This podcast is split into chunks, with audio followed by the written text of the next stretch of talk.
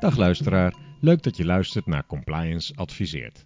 Het grote belang van integriteit binnen financiële ondernemingen en de bijzondere, wettelijk verankerde rol daarin van de compliance-functie fascineert ons.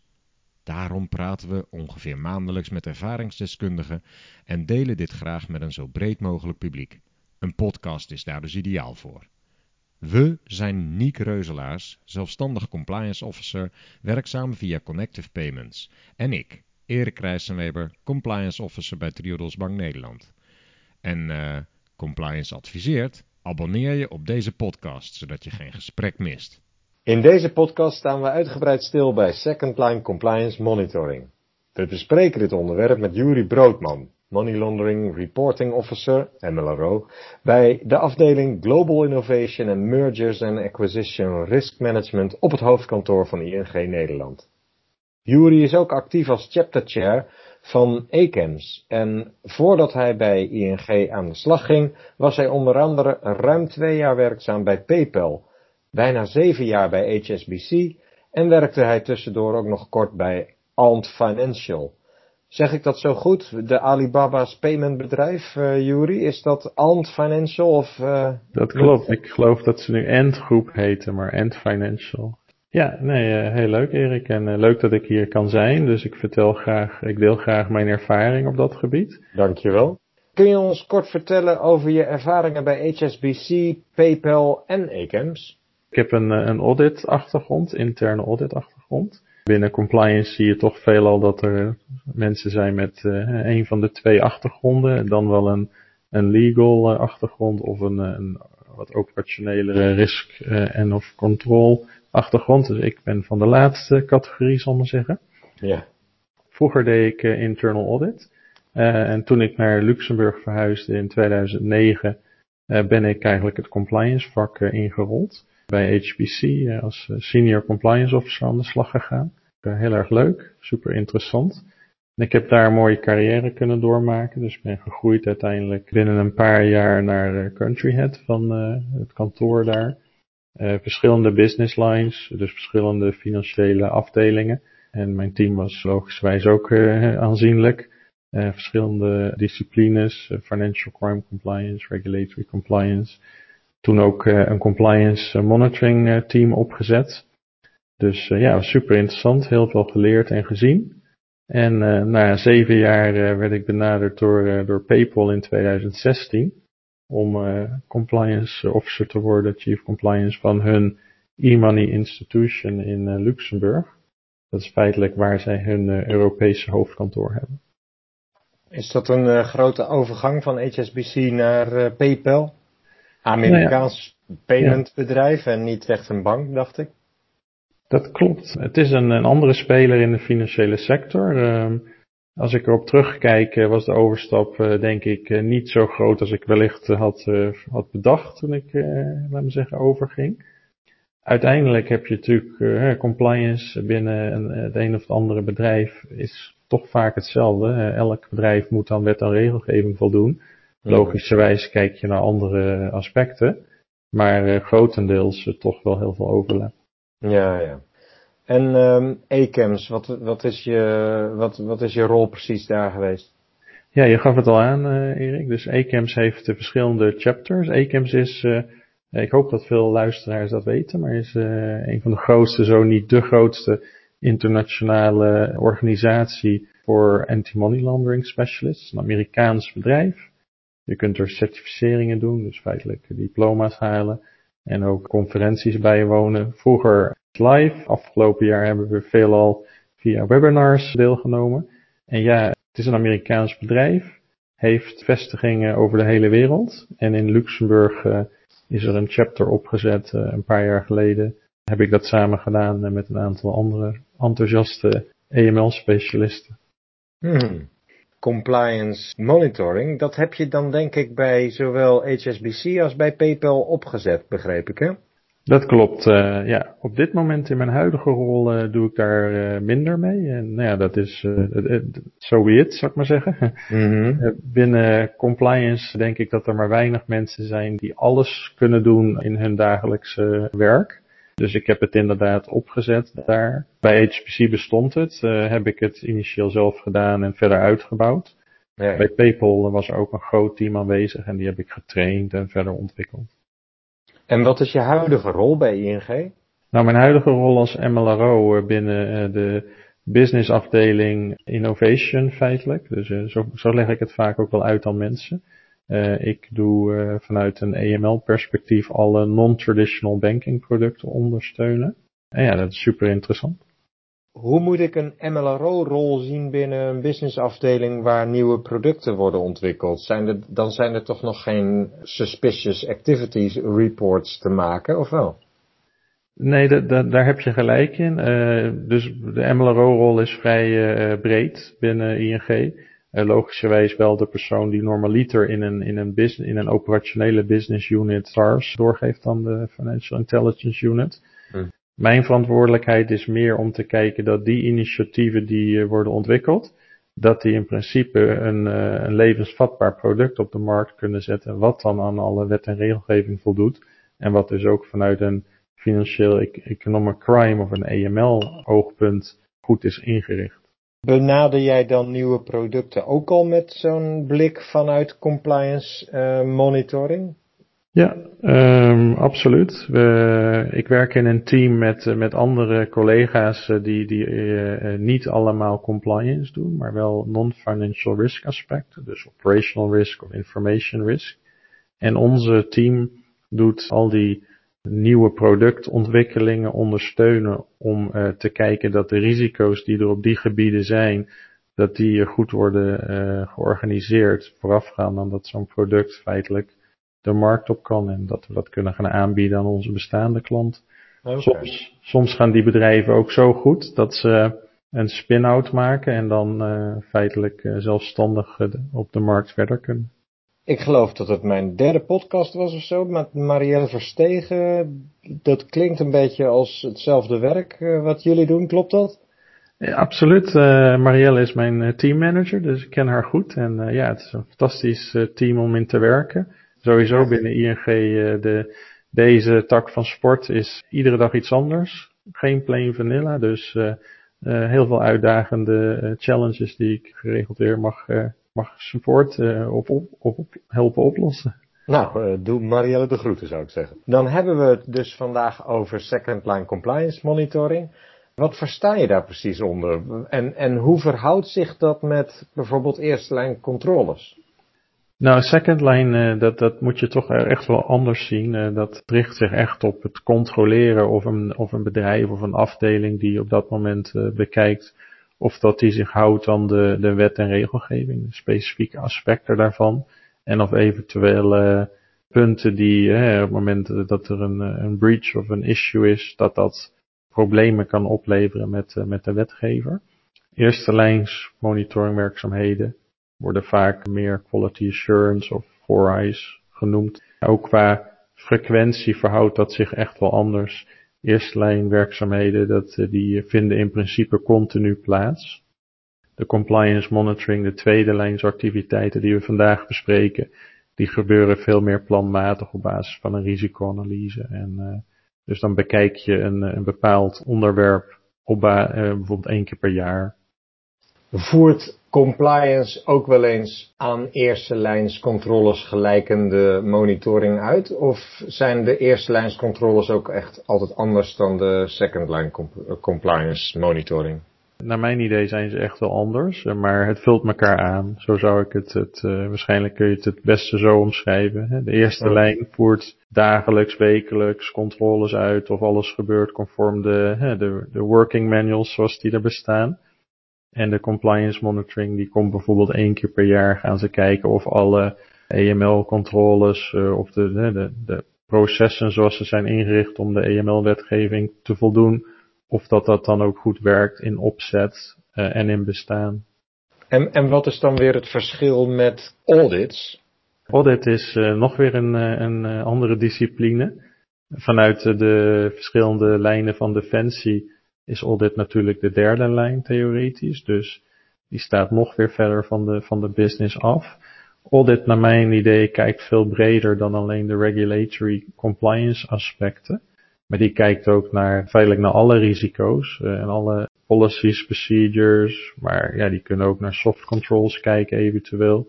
Dus ik denk uiteindelijk toch dat compliance hè, moet zich, SEC, zoveel mogelijk bezighouden met het uh, controleren of er geen gaten in de organisatie zijn die tot boetes kunnen leiden, bijvoorbeeld van een uh, supervisory authority. Dat is denk ik waar de meest toegevoegde waarde zit voor compliance monitoring. Is het niet zo dat audit ook probeert vast te stellen of de eerste en de tweede lijn doen wat ze zouden moeten doen? Correct. Ja, oké. Daar zijn we het over eens dan, denk ik. Zijn er nog andere soorten monitoring die je dan kan onderscheiden voordat we ingaan op hoe je dan vaststelt welke eh, zaken je wilt monitoren?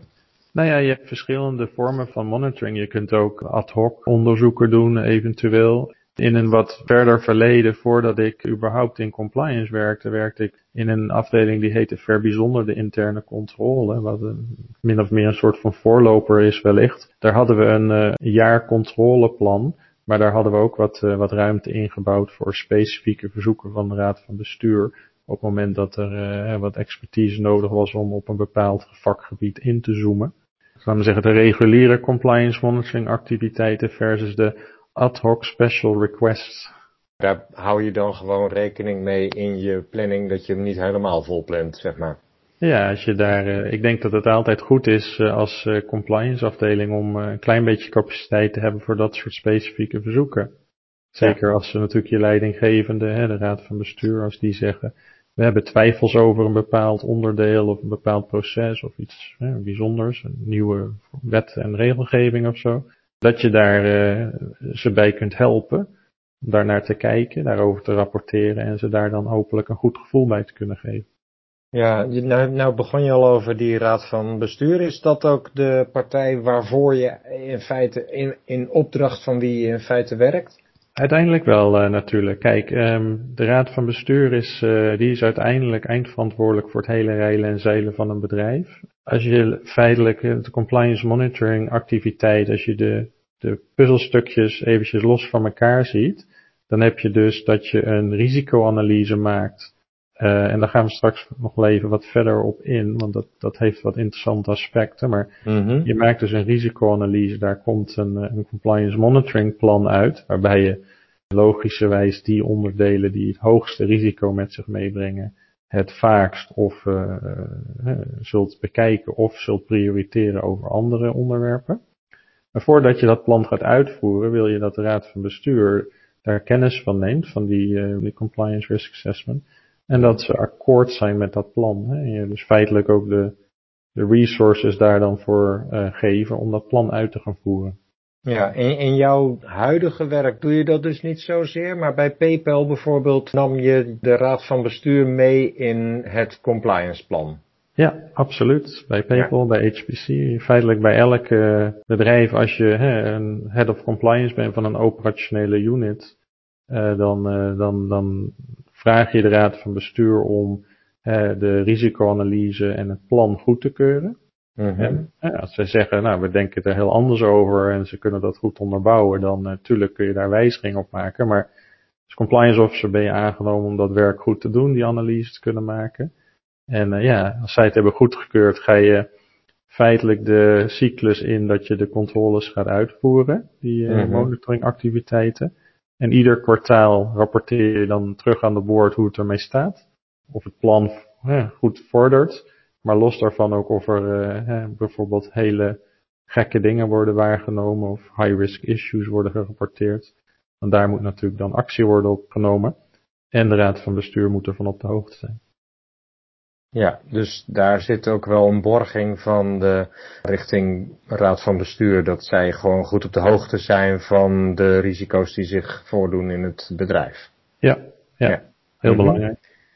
Hoe bepaal je nou de prioriteiten? Hoe kom je nou tot een monitoringplan wat, wat gedegen alle risico's overziet? Kijk, uiteindelijk een risicoanalyse en het maken van een compliance risk assessment en een monitoringplan. Theoretisch hoeft dat niet super ingewikkeld te zijn. Je moet een risicoanalyse systematiek daarvoor gebruiken. Dat kan gelijk zijn als die van een SIRA, Systemic Integrity Risk Assessment analyse.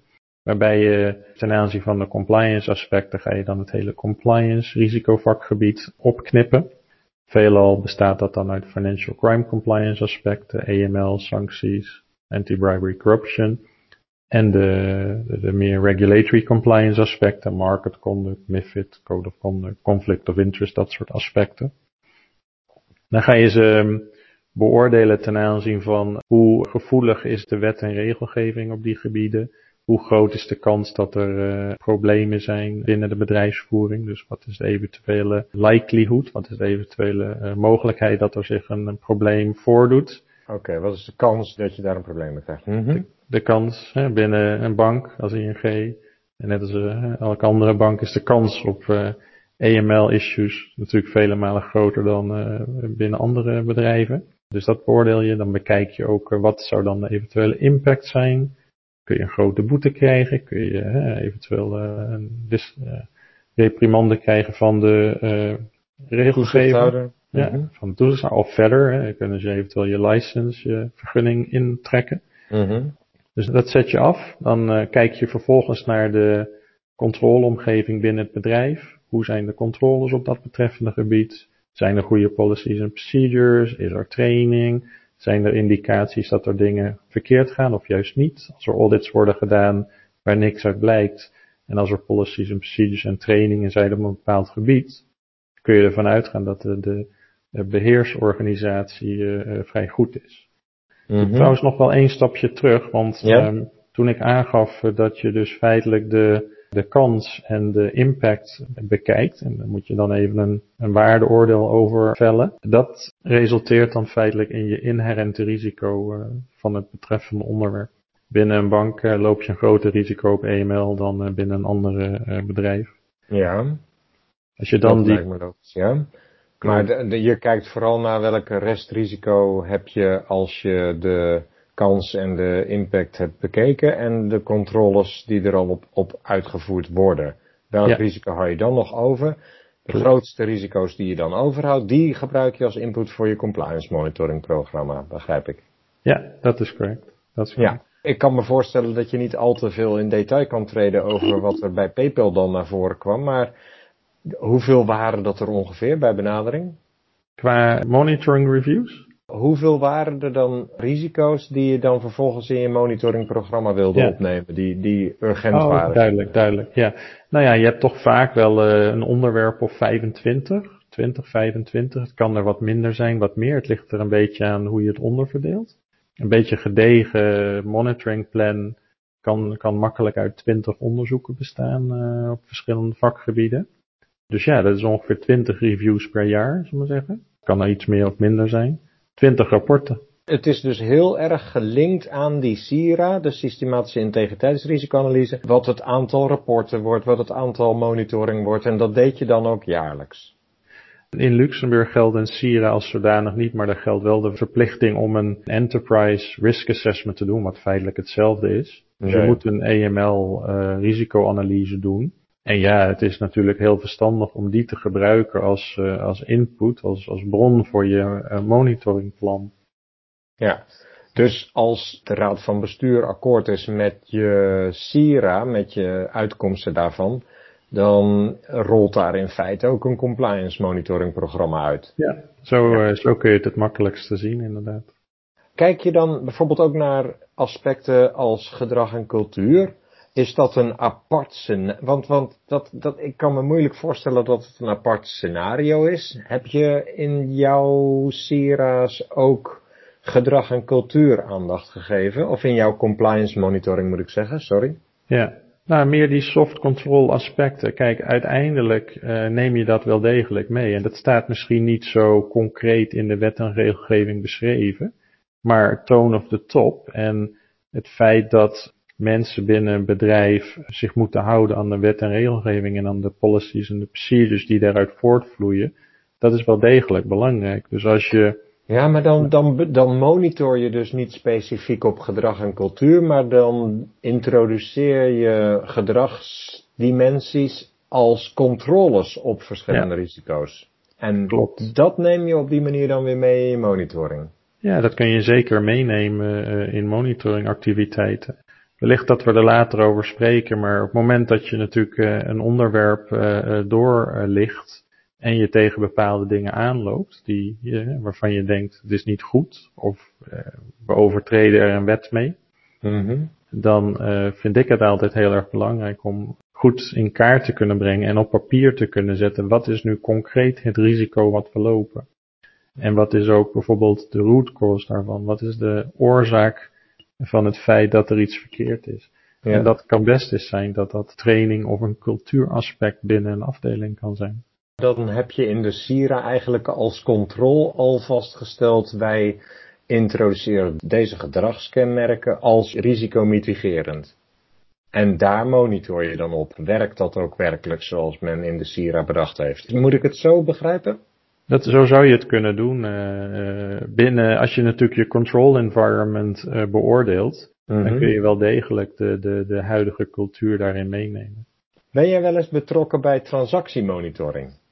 Ben ik in principe ook bij betrokken geweest, al is dat dan vanuit een, uh, vanuit een andere rol. Hè? Dus dat is echt iets anders dan second line monitoring.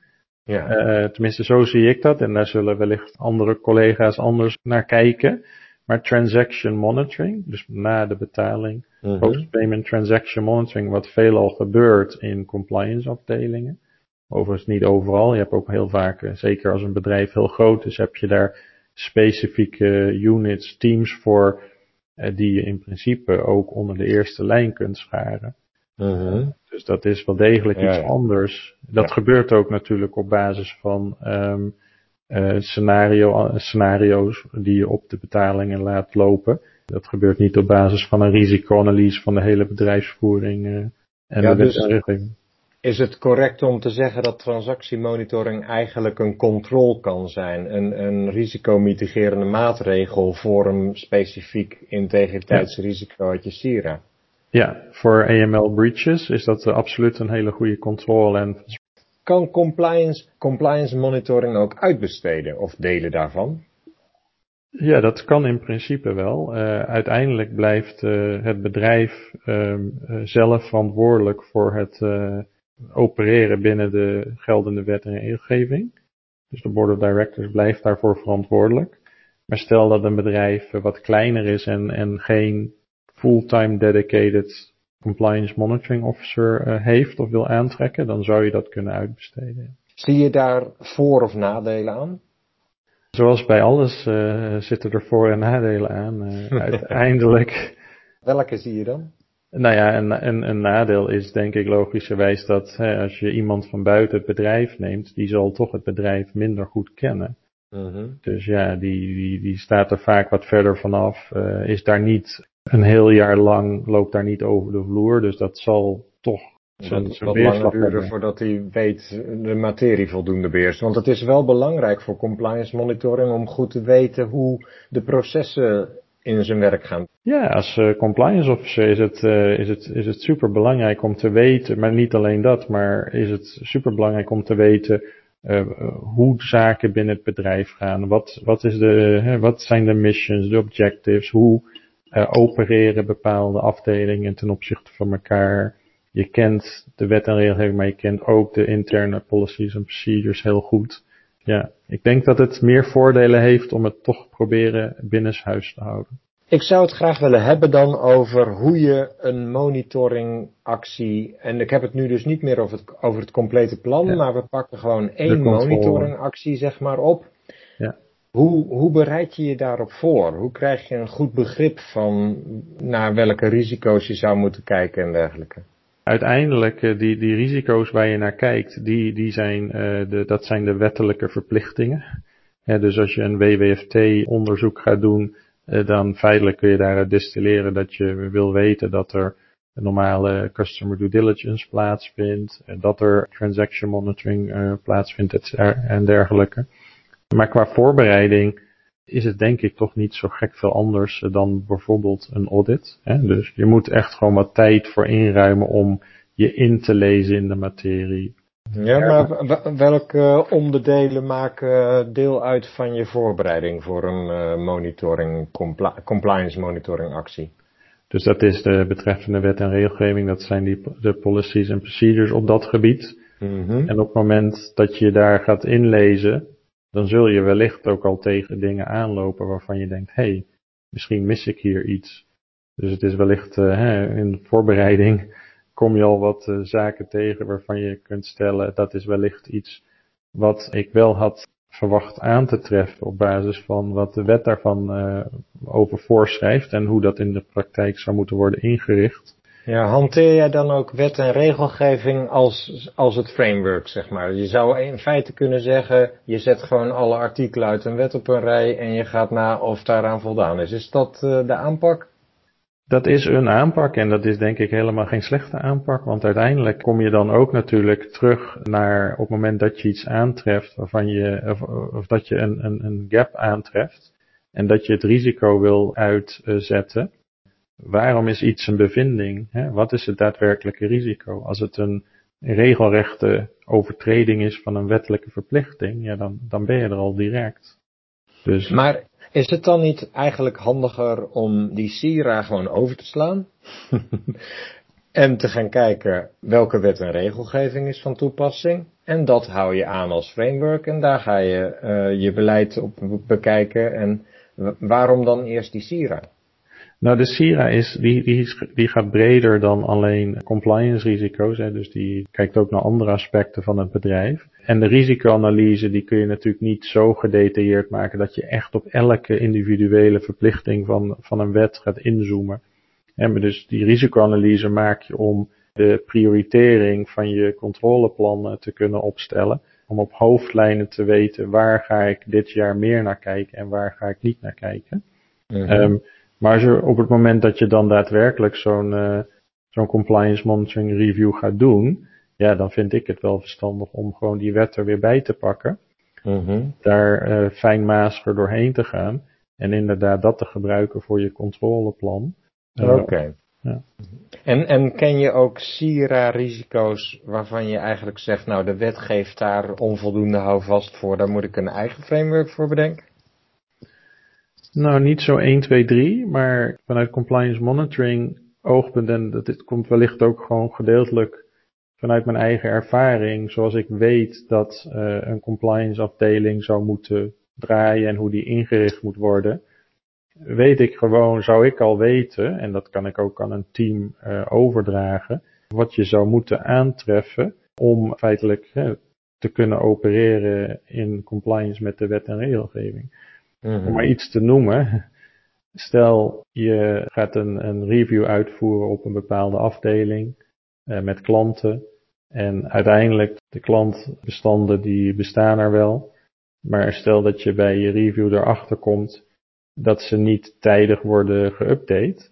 En dat dus uh, als gevolg daarvan klantfiles niet meer up-to-date zijn, documentatie niet meer klopt wellicht ook uh, verschillende personen in een bepaalde structuur uh, zijn gewijzigd, of een, of een UBO bijvoorbeeld. Mm -hmm. Dan, nou ja, uiteindelijk is dat wel terug te voeren naar een wetsartikel uh, waarin aangeeft dat je op een continue wijze klanten moet kunnen monitoren en daar up-to-date informatie van moet hebben. Vanuit mijn eigen persoonlijke ervaring weet ik dan al dat een periodieke controle en mechanismes om dat te controleren, dat dat is de beste manier om, laten we zeggen, die periodieke reviews in te richten om aan de wet en regelgeving te voldoen. Je gebruikt dus wet en regelgeving als het framework. Dan pak je er, zei je net, al het beleid bij. En dan ga je dus ook al het beleid in je compliance monitoring meenemen op het moment dat je denkt, hé, hey, er ontbreekt iets wat ik in dat beleid had zou, zou verwachten. Ja, absoluut. En dat, dus, is je, dat is je start in feite, of zie ik dat verkeerd? Dat is uh, denk ik de belangrijkste start, dat is de wet en regelgeving, de, de doorvertaling naar de policies en procedures. Kijk, als, uh, als je binnen een bepaald vakgebied een, een review doet en je vraagt dan betreffende afdelingshoofd of je de policies en procedures mag zien, en die zijn er wellicht helemaal niet. Dat zal natuurlijk in de praktijk niet zo snel voorkomen, maar dat is, uh, dat is al heel apart en dat zou feitelijk dan je eerste bevinding waarschijnlijk al zijn. Kun je dan überhaupt verder als er geen policies en procedures zijn? dan nou ja, dan houdt het vrij snel op. Kijk, ja. binnen, binnen heel veel bedrijven, ook zoals binnen ING, doen we testing op design en op effectiveness. Kijk, als het in design er niet is, dan hoef je op effectiveness helemaal niet meer te gaan controleren, want dan in principe kan zou dat ook niet zijn. Ja. Nou ja, dat zou meer toeval zijn dan, maar dat, daar mag je nooit van uitgaan natuurlijk. Nee, nee. Ja, we houden niet van toeval, hè, Jury? Dus daar kunnen we een bedrijf niet op laten runnen. Ja. Nee, nee, heel terecht. Wat ik ook nog wilde vragen over die wet en regelgeving. Als je dan die wetsartikelen als, zeg maar, je framework hanteert, is dat dan ook waarop je rapporteert? Dus uh, gebruik je die wetsartikelen in de hele cyclus tot en met rapportage? Of ga je meer, nou ja, misschien moeten we straks als we het over de rapportage gaan hebben, daar nog even op terugkomen, voordat we daar nu op ingaan. Ja. Is er onderscheid wat jou betreft tussen processen en systemen die je wilt monitoren? Jawel, kijk, dat zijn verschillende aspecten van hoe je je bedrijfsvoering inricht. En een systeem uh, helpt waarschijnlijk uh, veelal een proces. Maar je moet toch naar een heel een, onderwerp kijken. En dan kijk je dus zowel naar de processen die er zijn ingericht als naar de systemen die daarvoor worden gebruikt. Dus als je een compliance monitoring doet, kan het ook zijn dat je, als ik maar even een voorbeeld mag noemen, je wilt weten of de nieuwe klanten gecheckt worden op sanctielijsten. Dan maakt ook onderdeel van je monitoring uit, als je bijvoorbeeld sanctienaleving als onderwerp hebt, dat je ook echt dat systeem gaat ontrafelen en gaat kijken, doet dat wat we verwachten dat het systeem doet? Ja, absoluut. Dat is wel, uh, dat is uh, zeker belangrijk. Dus ja, er komt best een hoop bij kijken. Dat kan zomaar. En, en hoop je dan dat er al eerste lijns controles op dat vlak zijn uitgevoerd? Of? Sowieso, kijk, uh, er, kan in, er zou in principe geen systeem kunnen, kunnen worden geïmplementeerd binnen een bedrijf zonder dat daar een user acceptance test is geweest, je een, een rapport, een, rap, een, rapportage hebt waaruit blijkt dat het systeem doet wat het moet doen, waar het voor is ingericht, wat de, wat de criteria zijn en dergelijke. Dus dat zou kunnen helpen om te kijken dat hè, het systeem zo is ingericht als dat het behoort, mm -hmm. om het proces te ondersteunen wat ten grondslag ligt aan het voldoen aan de wetgeving, om maar weer terug te vertalen. Ja, en wat mij dan vaak opvalt is dat, kijk, als er gewoon helemaal niet zo'n user acceptance test is gedaan, dan ben je redelijk snel klaar als compliance officer en dan kun je constateren dat ze had moeten worden uitgevoerd, bijvoorbeeld. Maar stel dat er in zo'n user acceptance test staat, we hebben het uitgevoerd en we vinden dat het goed functioneert. Kun je daar dan nog iets tegen inbrengen als compliance? Vind jij dat je dan dat ook opnieuw nog zelf zou moeten testen? Of is je conclusie, er is iets gedaan, dus het is goed? nee, nee, nee. Kijk, uiteindelijk wil je wel, uh, het is uh, wel belangrijk om uh, zelf ook uh, wat controles uit te voeren om te kunnen vaststellen dat het systeem inderdaad goed werkt. Er kunnen in de tijd ook dingen veranderen ten aanzien van, we spraken net over sanctions, sanctieslijsten kunnen veranderen. Um, er kunnen, kunnen bijvoorbeeld uh, wellicht binnen het systeem kunnen er veranderingen optreden. Stel dat je, je wilt andere matching criteria hanteren bijvoorbeeld. Stel dat een, een bedrijf daar wijzigingen op doorvoert, als die dan niet worden doorvertaald in het systeem, dan heb je feitelijk dat je niet meer opereert conform hetgeen het bedrijf wil. Ja, maar dat moet je dan dus wel zelf kunnen vaststellen dat dat, ja. niet, dat, dat niet op die manier functioneert. Nee, en nou ja, kijk, uh, we zullen het allemaal ooit wel eens hebben meegemaakt. Ergens zegt iemand dat iets gedaan is en men is ook bereid dat te formaliseren op papier of in een rapportje. Maar of het dan in de praktijk ook daadwerkelijk gebeurt, dat is natuurlijk toch maar de vraag.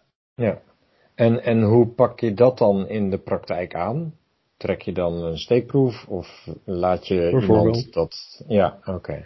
Nou ja, dat, dat bijvoorbeeld. Je kunt een steekproef doen of je kunt vragen aan iemand om uit te leggen, om in het systeem te laten zien dat bijvoorbeeld die nieuwe sanctielijst, hoe die dan wordt ingelezen in het systeem.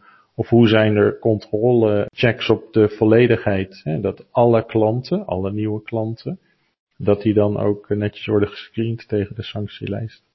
Ja, ja, dus dat doe je bijvoorbeeld door iemand jou dat te laten aantonen. Ja, ja. dat is een goed, uh, goed, goede manier om dat uh, te doen. Heb je verder nog belangrijke tips voor uh, de voorbereiding van een compliance monitoring stap? Nee, kijk, uiteindelijk is het, gaat veelal om inlezen en je zult ook lopende dat onderzoek zul je hè, weer nieuwe informatie krijgen die je misschien ook moet in, inlezen, maar neem daar, neem daar wel voldoende tijd voor. In de voorbereiding, ja. Ja, neem, neem voldoende tijd om voor te bereiden en duik niet gelijk het onderwerp in. Hetzelfde geldt met een hoop andere uh, onderwerpen natuurlijk. Als je verschillende procedures op een onderwerp uh, hebt, je weet pas echt hoe het ervoor staat als je allemaal hebt doorgelezen en de verbanden kunt leggen. Dus ja, dat kost gewoon wat voorbereidingstijd, maar dat zul je mhm. later in de, in de review kun je dat terugwinnen. Doordat je niet hè, telkens terug hoeft te lezen, dingen weer opnieuw uitgelegd moet krijgen en dergelijke. En nou bedenk ik me dat we net de Sira hadden genoemd als de bron om te bepalen welke uh, onderdelen je wilt gaan meenemen in je compliance monitoring. Komt het nou ook wel eens voor dat je tijdens de uitvoering van je compliance monitoring ontdekt, hey, ik wil de Sira bij aanpassen, want er is helemaal niet nagedacht dat dit ook nog een specifiek risico is, of dat dit een goede controlemaatregel is die niet in de Sira eh, vermeld staat. Ja, dat kan, dat kan best, uh, Erik. Kijk, dat zijn in principe allebei levende documenten, om het maar zo te zeggen. Hè? De Sira is een momentopname, een risicoanalyse, maar die wordt ieder jaar wordt weer upgedate als er significante wisselingen, veranderingen zijn binnen dat jaar, dan is het natuurlijk absoluut raadzaam om die SIRA uh, aan te passen. Stel er is een nieuwe wet komt eruit, of als bedrijf ga je compleet andere uh, klanten bedienen, dan, dan zul je dat moeten meenemen. Ja. Als je tegen iets aanloopt tijdens een controle, kan dat zeker weer als input uh, dienen voor, voor de volgende SIRA-exercitie. Waar moet een goede rapportage aan voldoen? Hoe pak je dat aan? Eh, nou, naar mijn idee moet een, een goede rapportage, die moet gewoon helder zijn. Dat is echt het meest belangrijke. Als je op- en aanmerkingen hebt, hè, je zult bijna nooit hebben dat je een compliance monitoring review doet en je vindt helemaal niets. Hè. Alles gaat perfect. Maar daar waar je dingen vindt, is het super belangrijk om dat helder te kunnen verwoorden. Als je, iets, als je een probleem niet helder kunt verwoorden, dan zeg ik vaak, dan is er waarschijnlijk geen probleem. ja. Ja, dat houdt je zelf ook scherp als je jezelf ja. dwingt om het heel helder te beschrijven. En met helder bedoel je smart, of uh, dat, je, dat het echt meetbaar is wat je bedoelt. Ja, absoluut. En kijk, mensen die, die zijn soms ook geneigd om een beetje heel wollig taalgebruik te hanteren. Dat hoeft niet. Hè. Dat, dat kan soms, als, als je hele complexe materie beschrijft, dan ontkom je daar soms niet aan. Maar eh, dat eh, moet je absoluut zien te proberen te vermijden. Dus mhm. los van, het, los van het helder beschrijven van hetgeen wat je denkt dat er niet goed is, of waarvan je bewijsvoering hebt dat het niet goed is, is het vervolgens belangrijk, denk ik, om aan te geven wat is dan het bijbehorende risico. Want dat kan aangeven hoe belangrijk een, een bevinding is. Je kunt wel een gap beschrijven, maar als het risico minimaal is, is het ten aanzien van die rapportage natuurlijk uh, niet zo heel spannend om dat heel erg hard aan te zetten. Als een bevinding hele grote impact heeft, dus heel veel risico met zich meebrengt, dan is dat veel interessanter voor degene die verantwoordelijk is voor dat proces, maar ook voor de raad van bestuur en dergelijke, om te weten dat dat een, een hele belangrijke bevinding is, met veel mhm. risico. Dus we willen meer uh, nadruk leggen op het oplossen van, van het uh, probleem. En komt het nou wel eens voor dat je een meningsverschil hebt over de mate van dat risico uh, als je dat rapporteert? Uh, met, met andere woorden, eerste lijn denkt, ja, je kan wel zeggen dat het zo'n risico is, maar dat valt wel mee. Komt dat wel eens voor? Eh, dat kan. Je kunt altijd wat verschillen van, van interpretatie of gevoel hebben daarbij. Um, kijk, uiteindelijk is het belangrijk om, denk ik, toch de persoon in kwestie eh, nou, ik wil niet zeggen te overtuigen, maar hè, dus het zou conform een gezonde discussie zou je daar eh, uit moeten kunnen komen. Uh, blijft daar toch een meningsverschil bestaan, dan is het uiteindelijk de verantwoordelijkheid van de compliance officer om te rapporteren op basis van hoe hij of zij uh, dat interpreteert. Mm -hmm. Pas je ook hoor en wederhoor toe op het moment Absoluut. dat je een rapport opstelt? Ja, ja absoluut, absoluut. Het is, uh, het is heel erg belangrijk en ik heb het zelf ook de andere kant uh, vaak op gedaan waarbij ik werd gereviewd. Feiten die worden gerapporteerd, dat die feitelijk correct zijn. Dat, is, Mhm. dat is super belangrijk. Hè? Dus ze moeten correct zijn. Je moet snappen van oké, wat wordt er eh, gerapporteerd? Wat is exact het probleem? Wat is het bijbehorend risico? Wat is de regulatory gap die we moeten oplossen? Dus eh, nee, dat is heel belangrijk. Stel nou dat de eerste lijn teruggeeft, wij zien dat risico niet wat jij eh, rapporteert. Dan gaat het dus om feiten. Dat feiten kun je nog wel, denk ik, blijven formuleren in je rapport. Maar bijvoorbeeld de witwasregelgeving is risicogebaseerd. Hoe hou je dan als compliance officer je rapport objectief? Kijk, heel veel aspecten van, van de witwasregelgeving zijn risk-based, eh, maar bepaalde aspecten eh, zijn gewoon eh, heel hard. Hè. Je zult iemand moeten identificeren en je zult een, een UBO moeten identificeren van, van entiteiten. Dus, dus die, die zijn vaak wel, die zijn gewoon veel concreter. Daar waar je een risk-based approach kunt toestaan op bijvoorbeeld hoe je omgaat met een grote groep van, van klanten, ja, dan eh, toch is het eh, voor mij belangrijk om dat te kunnen proberen zoveel mogelijk te kwantificeren in risico's. En ja, vaak met data, heel veel data. Als je je bevindingen kunt aanvullen met relevante data, dan Mhm. kan dat heel vaak helpen. Ik heb het wel eens ergens meegemaakt dat ik een review deed en toen bleek dat er, ik geloof dat het eh, bepaalde investmentproducten waren, en die waren niet, ge, niet gepriced of niet goed gepriced. Met, dus een gevolg dat de, de pricing voor de klanten was niet, was niet goed, dan zou ik maar zeggen, hè, van hun portfolio. Mhm, mhm. Nou, dat is een punt op zich, los Ja. van het feit dat dat niet goed is. Maar toen ik ze ging vragen van ja, maar en om hoeveel klanten gaat, gaat dat dan die die producten hebben? Toen pas werd het duidelijk hoe groot het probleem eigenlijk was. Mhm. Omdat bepaalde hele grote groep klanten had dat product, ja, dan is het logischerwijs veel Een groter groter risico. risico ook. Ja. ja. Dus kwantificeren van je gegevens, van je bevindingen helpt. Ja, absoluut. Denk ik Ja. wel. Dat maakt het ook natuurlijk gewoon, hè, als je die context kunt toevoegen, dan eh, is het voor een outside reader, wordt het veel eh, interessanter en, en die kan zich er veel bewuster van worden wat nu echt het punt is. En of het Maar een dan- groot probleem is of een klein probleem. Oké, maar dan heb ik nu een ander eh, voorbeeld. De analist in de eerste lijn is van mening dat hij voldoende onderzoek heeft gedaan naar herkomstmiddelen en dat hij voldoende zijn bevindingen heeft onderbouwd met documenten van de klant. Dat middelen geen criminele herkomst heeft. Maar jij als compliance officer bent van mening, nee, dat had eigenlijk wat verder eh, gemoeten. Hoe los je zo'n soort discussie op dan? Moet je gewoon constateren dat de procedure nog niet voldoende duidelijk is? Of heb je een andere tip? Nou ja, daar uiteindelijk gaat het dan om interpretatie. Eh, Ja. Dus ik denk dat het daar het belangrijkste is om vast te stellen hoe de, het middelenonderzoek, hoe gedetailleerd dat vastgesteld moet worden binnen het bedrijf. Wat vind je, hè, wat is zelf de benchmark tot hoe ver je wilt gaan? In hoeverre je source of wealth moet corroboreren met documentatie en uitleg en niet alleen hè, bijvoorbeeld eh, inheritance, maar of, of real estate, maar dat je ook gewoon eh, onderbouwing wilt kunnen zien van aankoopcontracten of dat soort zaken. Eh, Dat is enerzijds een market benchmark wellicht. Hè. De markt die gaat steeds meer vragen. Mhm. Anderzijds is dat ook een beetje een risk appetite van het bedrijf zelf. In dit soort gevallen niet alleen op basis van wet en regelgeving kunnen beoordelen, maar dan moet je ook kijken naar de risk appetite van het bedrijf, als ik je goed begrijp. Ja, en um, wat, wat denk ik ook heel belangrijk is, dan op een gegeven moment komt ook gewoon de professional judgment van de compliance officer daarbij om de hoek kijken.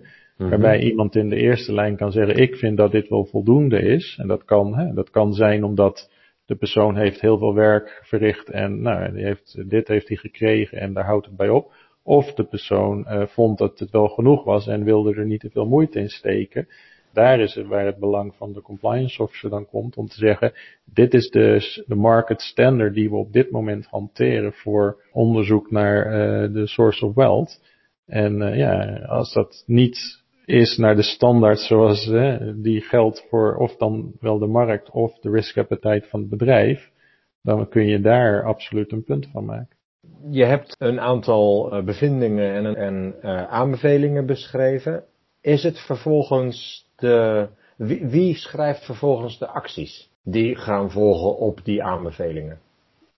Ik denk uiteindelijk het is het, het, het beste als de persoon die verantwoordelijk is voor het proces waar de bevinding voor wordt geschreven, die persoon zelf de actie beschrijft.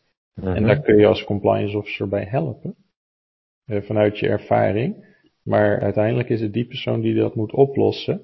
En daar wil ik als tip wel bijgeven dat je moet dan ook als compliance officer wel goed kijken dat als een process owner, zal maar zeggen, een, een management action of een response formuleert, dat die ook daadwerkelijk het risico afdekt. Want ik heb toch in de praktijk wel vaak gezien dat mensen maar iets neerzetten van, stel er is een probleem geconstateerd en dan zeggen ze als management action, we gaan er naar kijken. Dat is natuurlijk niet, dat lost het, het probleem absoluut niet op. Nee. Dus daar moet je denk ik scherp en, en kritisch in zijn. En daar kun je de persoon bij helpen. Ja, dus je helpt eerste lijn met het formuleren van die acties. Ja, ik denk dat dat een eh, gezonde collegiale actie moet, zou moeten kunnen zijn. Mhm. Oké. En vervolgens heb je dan bevindingen en acties. Moet er dan verder nog iets gebeuren? Ja, uiteindelijk wel. En dat valt, eh, het valt allemaal samen. Dus je hebt het onderzoek gedaan, je eh, rapporteert de bevindingen en vaak doe je daar ook een riskrating aan meegeven, high, medium, low. En dan is het vervolgens belangrijk om eh, een follow-up te doen en binnen de tijdstermijnen die er zijn afgesproken, om dan terug te gaan naar die betreffende personen of naar die afdelingshoofden, om te vragen hoe het er daarmee staat ten aanzien van de implementatie. Mijn advies is om dat tijdig te doen en om dat niet een jaar te laten, om dat in principe niet pas het jaar daarna bijvoorbeeld als je weer eens langskomt te doen, maar echt gewoon vaker. Om te vermijden dat als iets niet is opgelost, dat je heel veel tijdsachterstand hebt. Ja. Ja, dus het is ook een kwestie van zelf in je eigen agenda zetten. Goh, die actie Ja. zou dan en dan afgerond zijn. Dan ga je ook dus daarvoor even vast eh, checken of het, of het gelukt is. Ja, maar dat is uh, uiteindelijk denk ik ook het leuke werk van een uh, compliance monitoring officer of een afdeling. Kijk, je doet je onderzoeken en uh, één of twee dagen per maand ben je feitelijk bezig met follow-up van onderzoeken die al zijn, die zijn geweest. Waar je weer terug gaat naar die betreffende persoon om te vragen hoe het ermee staat. We hebben volgens mij een behoorlijk beeld gekregen van hoe compliance monitoring tot stand komt en uitgevoerd wordt. Heb je daar, voordat ik verder ga, nog aanvullingen op? Nee, nou ja, twee punten denk ik wat een soort van key takeaways uh, zouden moeten zijn, denk ik. Ja. Spits je toe uh, bij de compliance monitoring reviews echt op wat zijn de wettelijke verplichtingen.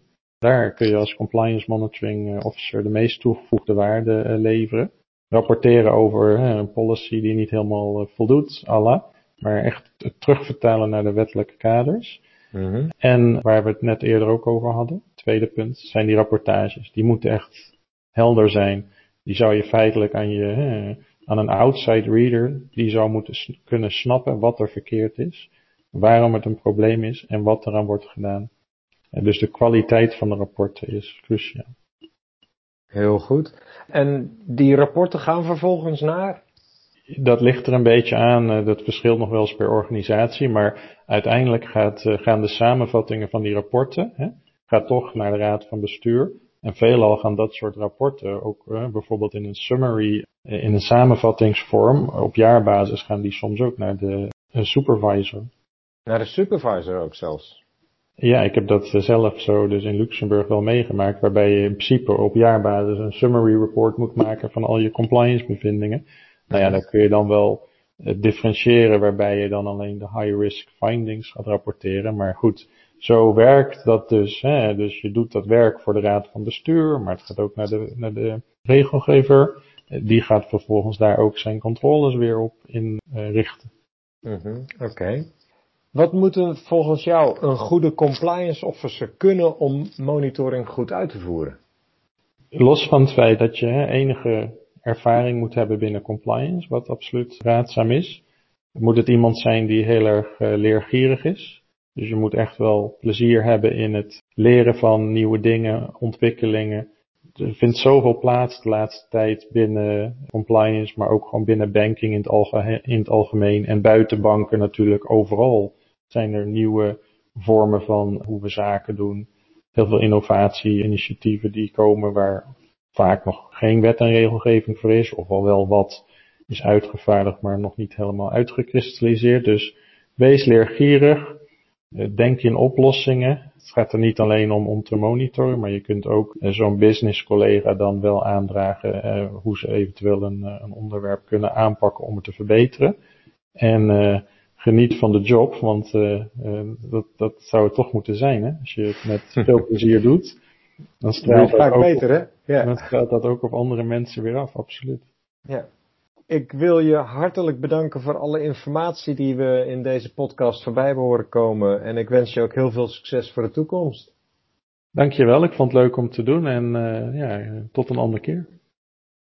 Nou luisteraars, vonden jullie dit een zinvolle podcast? Laat me dit dan even weten via de bedrijfspagina van Compliance Adviseert op LinkedIn. En uh, volg die pagina, dan mis je geen enkele andere podcast. En uh, ik dank jullie wel voor het luisteren en graag tot de volgende keer.